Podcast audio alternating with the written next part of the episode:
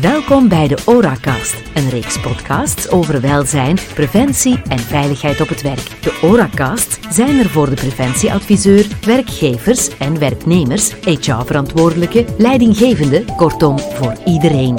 Want iedereen heeft recht op een veilige werkomgeving. Welkom in deze eerste aflevering van eh, de ORAcasts, waarin wij het gaan hebben over welzijn, preventie en eh, vooral ook over veiligheid op het werk.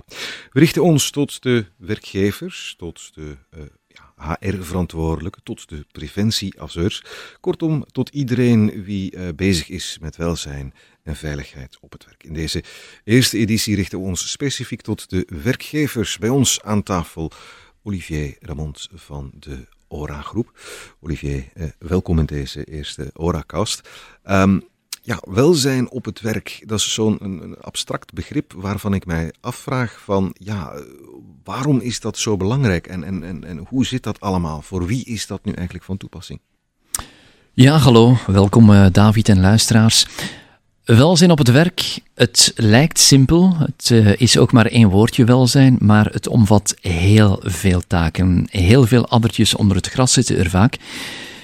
Je hebt uiteraard, zodra je één iemand te werk stelt in een bedrijf, het kan ook een bediendenstatuut zijn, moet je in feite al uh, aan welzijn gaan doen. Dus dan word je meteen verantwoordelijk geacht om goed zorg te dragen als een goede huisvader voor uh, jouw ja, eerste werknemer. Opgelet?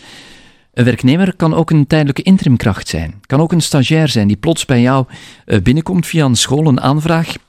Kan er iemand bijvoorbeeld van de metaalsector een stage doen gedurende drie of vier weken en je bent een, eh, een zelfstandige, een eenmanszaak. Hij zegt, ja, ik kan wel eh, wat extra handen hel eh, gebruiken gedurende een paar weken dan moet je er ook aan voldoen. Dus het, ja, je kan er bijna tegenwoordig niet meer zonder, zonder het facet welzijn. Welzijn slaat op zeven domeinen. We gaan ze niet in detail gaan bekijken. De meeste kennen uiteraard wel uh, de arbeidsveiligheid, ook misschien wel de belangrijkste. Maar je hebt ook uh, ergonomie bijvoorbeeld, waar er heel veel rond te doen is en terecht ook. En ook het psychosociale uh, komt regelmatig ook in de media-aandacht. En daar is er toch ook wel heel wat over te zeggen. Mhm. Dan, dan, dan stel ik me de vraag, hoe begin je daar in godsnaam aan? Je zei, ik ben een eenmanszaak, hè? Ik, ik, ik, ik ben aan het groeien, ik, ik neem, komt stagiair bij, komt een interim bij, ik wil die mensen een vast contract geven. Ja, hoe zie ik door het bos nog de bomen eigenlijk? Dat is een hele moeilijke. Uh, in die zin, vroeger, dat is nu ook uh, verleden tijd, maar ik weet vroeger, als je een zelfstandige activiteit wou uitbouwen of opstarten, dan moest je een bepaalde cursus, ik dacht dat die bedrijfsbeheer uh, heette, toen moest je die cursus volgen. En toen ging men ervan uit, vanuit de overheid, van oké, je weet nu eh, wat je moet doen. Hè. Je moet een financieel plan uh, opmaken. Je mag uh, zeker de eerste drie jaar niet failliet gaan, want anders komt vadertje staat nog even langs. Dus ja, je kan zeggen, de potentiële zelfstandigen die waren al een beetje gewaarschuwd. Waar ze niet voor gewaarschuwd worden, vaak is voor, ja, arbeidsveiligheid, welzijn op het werk. Wat houdt dat juist in? Waar kan ik terecht met al mijn vragen? Het is ook zo dat je in feite van zodra je één werknemer uh, in dienst hebt, dat je moet aangesloten zijn bij een externe dienst voor preventie, voor preventie en bescherming op het werk. Het klinkt misschien voor veel werkgevers wat Chinees. Wat is dat wel? Uh, ik ga er een aantal noemen. Mm, excuses mocht ik iemand vergeten, dat is zeker niet de bedoeling. We gaan hier geen publiciteitscampagne voeren. Maar je hebt bijvoorbeeld Mensura, je hebt Securex, je hebt Liantis. Uh, zo zijn er nog een, een aantal in, in België die erkend zijn om die job uit te oefenen. Dus ik zei het al, van zodra je één werknemer in dienst hebt, dan moet je jou verplicht laten aansluiten bij een uh, externe dienst voor preventie op het werk. En dan wordt er geacht van ja, die externe dienst dat zij jou gaan coachen, begeleiden en op weg helpen naar een uh, gezonde uh, werkomgeving, een veilige en een gezonde werkomgeving. Helaas zien we in de praktijk dat dat niet het geval is. Je betaalt een forfaitair bedrag voor, uh, per werknemer, afhankelijk van in welke categorie, welke risico, er zijn vijf klassen, dat je zit. En dat is het. En meestal wordt er dan misschien, als je geluk hebt, wel een keer een medisch onderzoekje gedaan.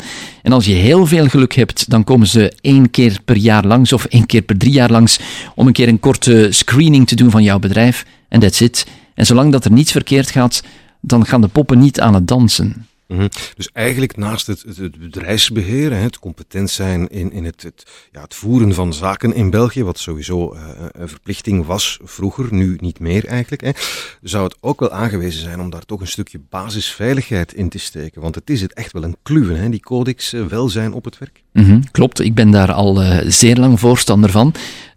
want ja, soms komen mensen bij ons terecht en, en dat is niet gespeeld, daar ben ik zeker van.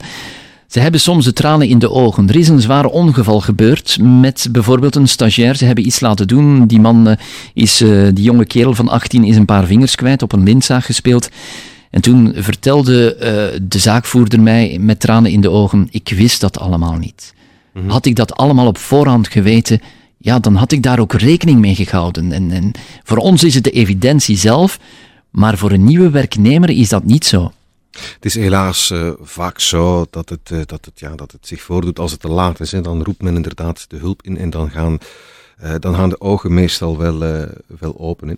Als we nu eens kijken naar, naar echt, we gaan nu eens uitgaan van het, van het slechtste. Als het nu echt fataal afloopt en op dat vlak helaas is West-Vlaanderen, dat zeggen de cijfers toch, vlak van dodelijke arbeidsongevallen al ja, een paar jaar de koploper, hè, als we het ganse grondgebied uh, bekijken. Als het echt verkeerd afloopt, wat kunnen dan de gevolgen zijn voor een, uh, voor een werkgever? God, die kunnen heel erg zijn. En veel werkgevers beseffen dat ook niet. Meestal, uh, zeker bij een dodelijk arbeidsongeval, heb je in feite een aantal partijen die daar een rol gaan spelen. Je hebt een eerste, de inspecteurs van toezicht welzijn op het werk, kortweg TVV. Die gaan meestal, wanneer je dus een, een dodelijk arbeidsongeval uh, meemaakt op de werkvloer, wat doe je meestal? Ja, je belt de hulpdiensten, de 112. Wie komt er langs? Ja, uh, de ziekenwagen, de mug uiteraard ook, als het echt levensbedreigend is. En wie komt er ook altijd mee? De politie. Die zet onmiddellijk de zone af waar het ongeval zich voordoet. En zij wachten in feite ja, tot de komst van een inspecteur van toezicht welzijn op het werk. Want die gaat gaan kijken van uh, het ongeval, is dat te wijten door een of andere inbreuk op een wetgeving? Want daar gaat het in feite over. Ja. Een inbreuk op een wetgeving. En de codex, u gaf het al uh, aan David, en er zitten ook nog stukken van het vroegere Arab in de welzijnswetgeving verwerkt. Ja, die is zeer uitgebreid en niet zo uh, makkelijk voor iemand met alle respect die hier niet dagelijks in zit, om daarvan op de hoogte te zijn. Dus je moet daar echt wel een, een, een, technische knobbel, je moet daar echt wel... Het lijkt bijna specialistenwerk, maar ik zou het ook zo durven omschrijven. Het is specialistenwerk. Het lijkt niet specialistenwerk, het is specialistenwerk. En ik wil nog even doorgaan, dus inderdaad, die persoon toezicht welzijn op het werk komt ter plaatse, gaat gaan oordelen, oké, ik zie hier een aantal inbreuken. Wat doet hij dan ook? Hij gaat de mensen gaan verhoren, één op één.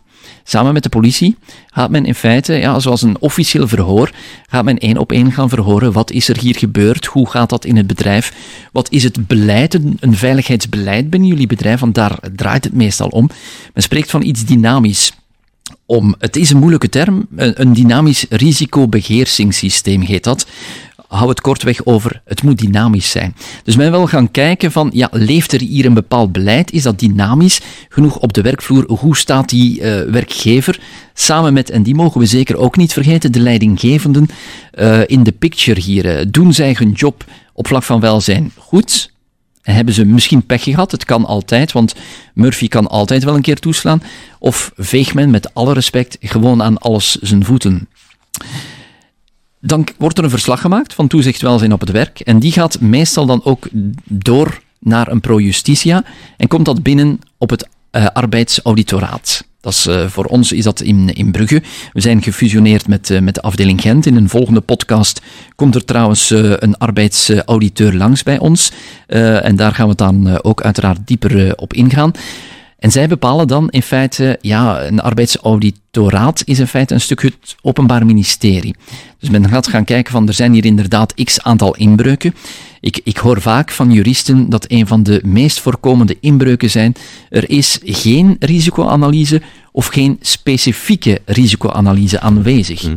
Met andere woorden, men heeft niet stilgestaan vooraf bij uit te voeren werkzaamheden van wat kan er hier nu allemaal uh, verkeerd lopen en hoe zal ik mijn mensen, mijn stagiairs, mijn interims, mijn vaste werknemers, hoe zal ik hen daartegen beschermen? Mm, klopt, inderdaad, ja. Uh, en vaak gebeuren ongevallen ook als er iets specifieks verandert in de omgeving. Of er is een onderhoud aan een bepaalde machine En uh, de technieker gaat binnen in die machine. Ja, de machine wordt niet geblokkeerd. Iemand anders start de machine op en plots wordt die technieker gekneld of geëlectrocuteerd. En dan heb je pech. Dus uh, vandaar inderdaad, die specifieke risicoanalyse is zo belangrijk in het geheel. En die taak ligt in feite ook. Vele mensen denken, ja, dat is het werk van de preventieadviseur. Maar als je kijkt naar de negen wettelijke taken van de hiërarchische lijn, om het in mensentaal te zeggen, wie is hiërarchische lijn? Wel, iedereen die leiding geeft. Dus een, een meestergast, een ploegbaas, een, uh, men hebt dat soms ook wel, een, een, een eh, plantmanager bijvoorbeeld van een bepaalde plant. Ja, die is de facto ook lid van de hiërarchische lijn. -hmm. Het onthaal, dat is ook nog iets uh, wat heel belangrijk is voor nieuwe werknemers. Daar kun je eigenlijk al ja, bij een goed onthaal kun je al heel veel dingen gaan kortsluiten. Mm, terecht, ja. Als je kijkt naar de statistieken omtrent arbeidsongevallen, zie je vaak dat er twee groepen zijn van mensen die vaak arbeidsongevallen uh, ja, tegenkomen.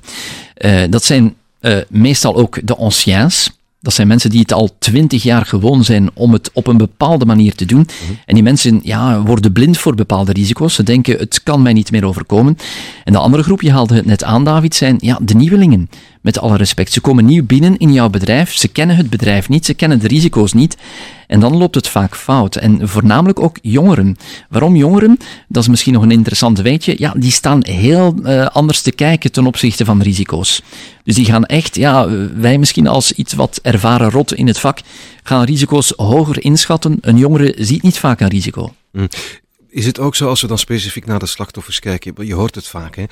Um, ja, ik, ik, heb ooit eens een ongeval uh, voor gehad en, en ja, sindsdien ben ik, wel, ja, ben ik wel een beetje voorzichtiger, ben ik wel een beetje gewaarschuwd eigenlijk. Het is een beetje typisch menselijk. Als men iets tegenkomt, dan gaat men eigenlijk pas gaan eh, reageren. Terwijl preventie er eigenlijk op ja, bedoeld is om eigenlijk vooraf even stil te staan bij wat kan er allemaal uh, verkeerd lopen. -hmm. Klopt inderdaad, dat is terecht ook hoor.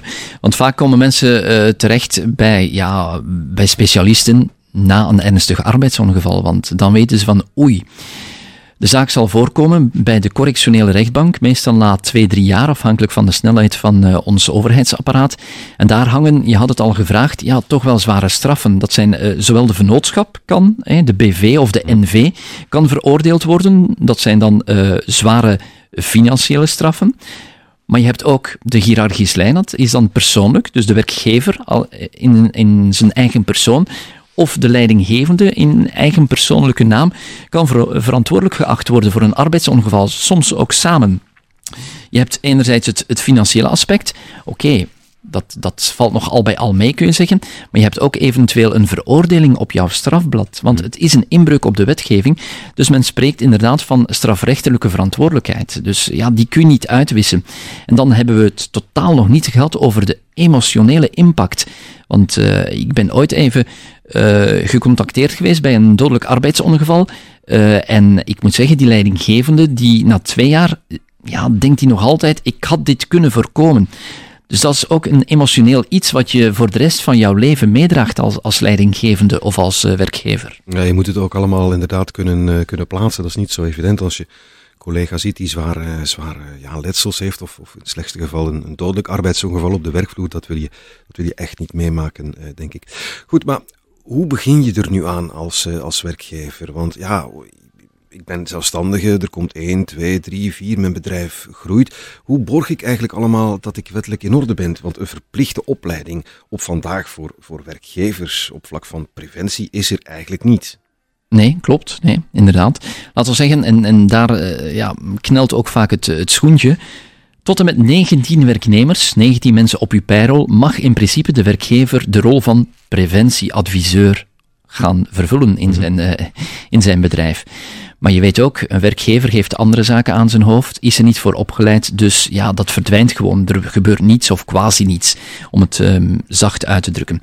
Vanaf 20 is het iets anders. Vanaf 20 zegt de wet van, nu ben je verplicht als zijnde werkgever om een interne preventieadviseur op uw payroll te hebben.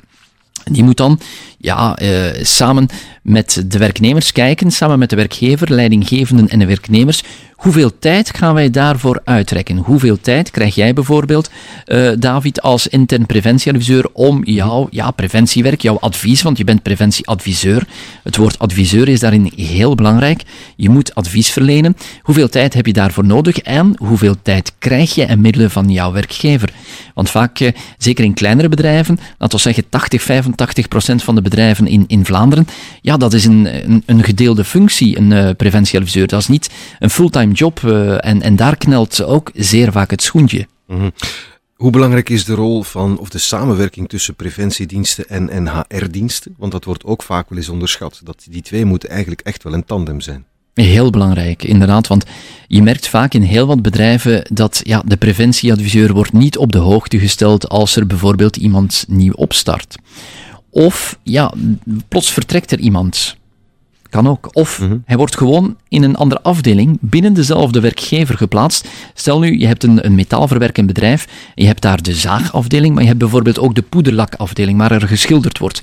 Men gaat plots iemand gaan wegnemen uit de zaagafdeling om bijvoorbeeld stukken op te hangen in de poederlaklijn. Dat zou kunnen. Mm -hmm. Ja, als preventieadviseur is dat ook belangrijk dat je daarvan op de hoogte bent. Of bijvoorbeeld, hij wordt plots, ik zeg maar iets, heftruckbestuurder. Ja, daarvoor moet je een attest hebben. Mm. Een adequate opleiding heet dat in de wet, moet je gevolgd hebben.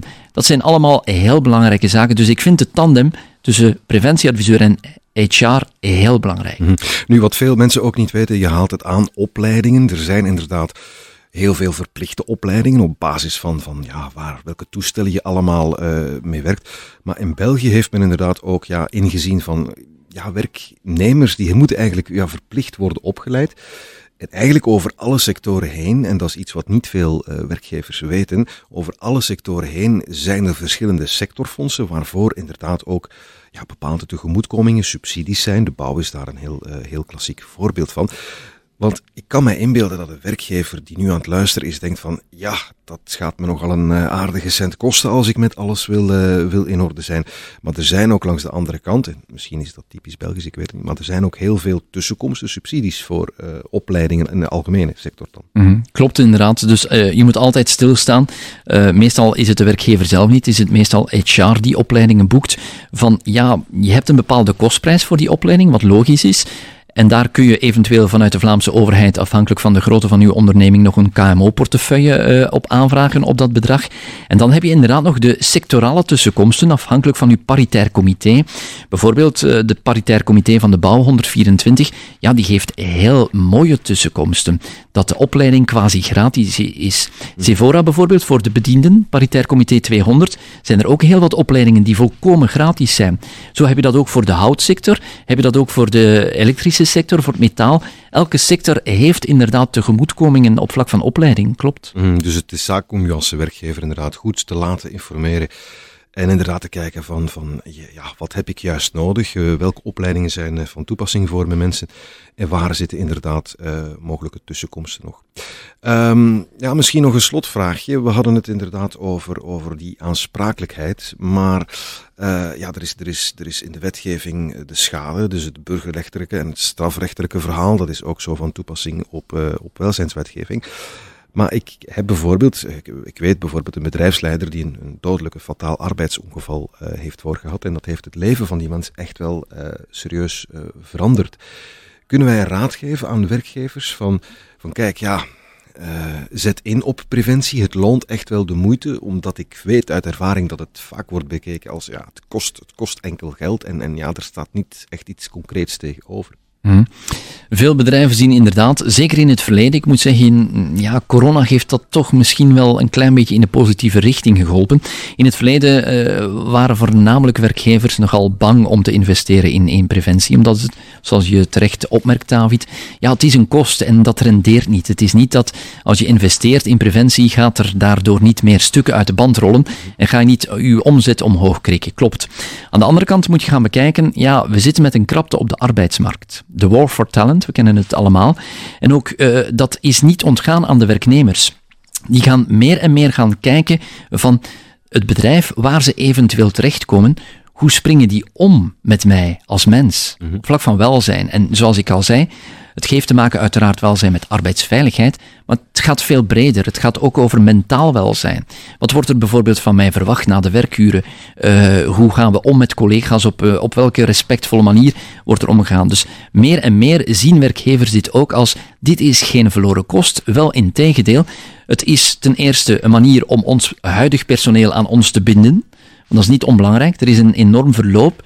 Uh, en een tweede is, we kunnen ook een goede instroom bekomen van nieuwe mensen. En dat is ook niet onbelangrijk om, om daarmee in de picture te komen dat jouw beleid, jouw welzijnsbeleid, echt wel top is. -hmm.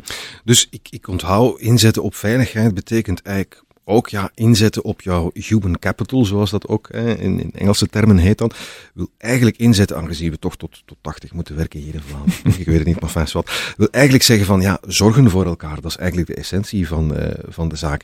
En van zodra er één iemand op mijn payroll staat, of één iemand ja, met wie ik samenwerk, stagiair, intrimmer, ja, dan, dan, dan ben ik eigenlijk gebonden aan die, uh, aan die welzijnswetgeving en moet ik eigenlijk voldoen aan een, uh, aan een aantal zaken zich goed laten uh, informeren uiteindelijk door bijvoorbeeld de externe dienst.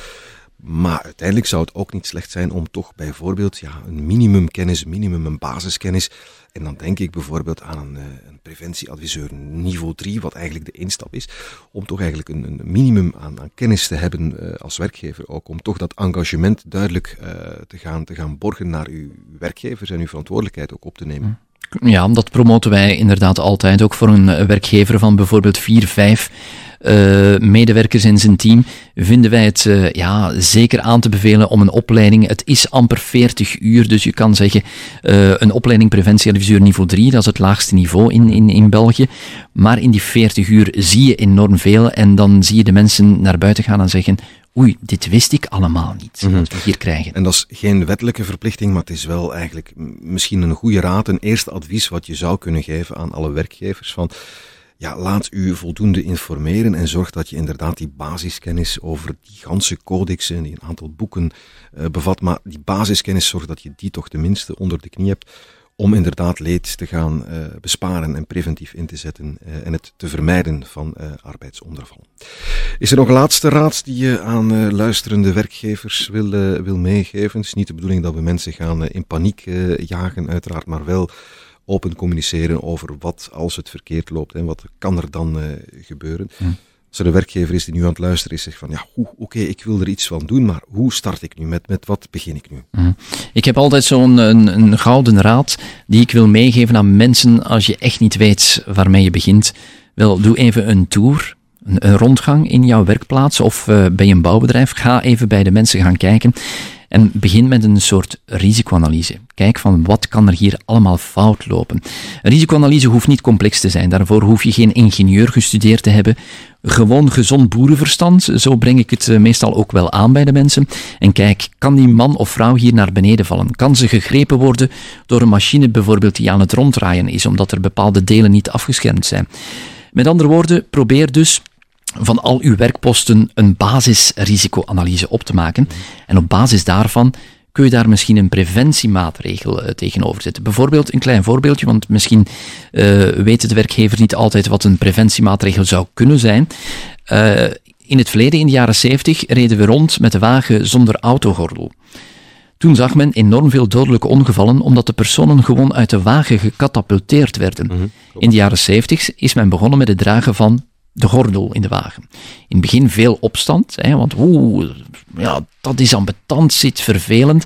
Tegenwoordig, in de tijd dat we nu zijn, iedereen draagt hem quasi allemaal. Mm -hmm. En het spaart enorm veel mensenlevens. Dat is een preventiemaatregel. Er is een gordel ingevoerd geweest om te proberen te voorkomen dat er heel veel slachtoffers zouden vallen. En op basis van die risicoanalyse maak je dan een globaal preventieplan. Wat is een globaal pre preventieplan? Dat is in feite een vijfjarenplan. Jij als werkgever bent verantwoordelijk. Uh, jij voorziet het uh, budget en de middelen. Je krijgt vijf jaar. En afhankelijk van de risico's en de inschatting van die risico's, want bepaalde risico's zullen hoger zijn. Meestal heeft dat ook te maken met de ernstgraad en de blootstelling en de waarschijnlijkheid. Dat zijn meestal drie factoren die bepalend zijn om een risico-inschatting te maken. Bepaalde risico's zijn dus hoger dat je denkt van deze zou ik graag zo snel mogelijk willen oplossen. Wel, je zet dat ook in dat globaal preventieplan. Ik wil dit dit jaar nog oplossen. Andere risico's, denk je misschien, die zijn wat minder. Dan kun je die volgend jaar plannen. En zo kun je over een termijn van vijf jaar een mooie planning gaan maken. Mhm. En daaruit filter je dan het jaaractieplan in En dan kom je eigenlijk een beetje terug op hetgene wat je in het gesprek zei, het dynamische van het systeem, het dynamisch beheersingssysteem, risicobeheersingssysteem, zoals dat ook in de, in de wetgeving uh, eigenlijk staat.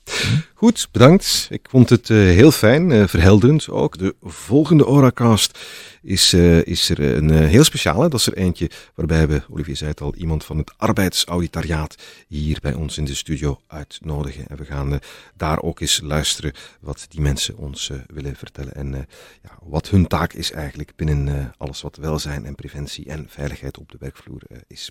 Heel graag, tot de volgende.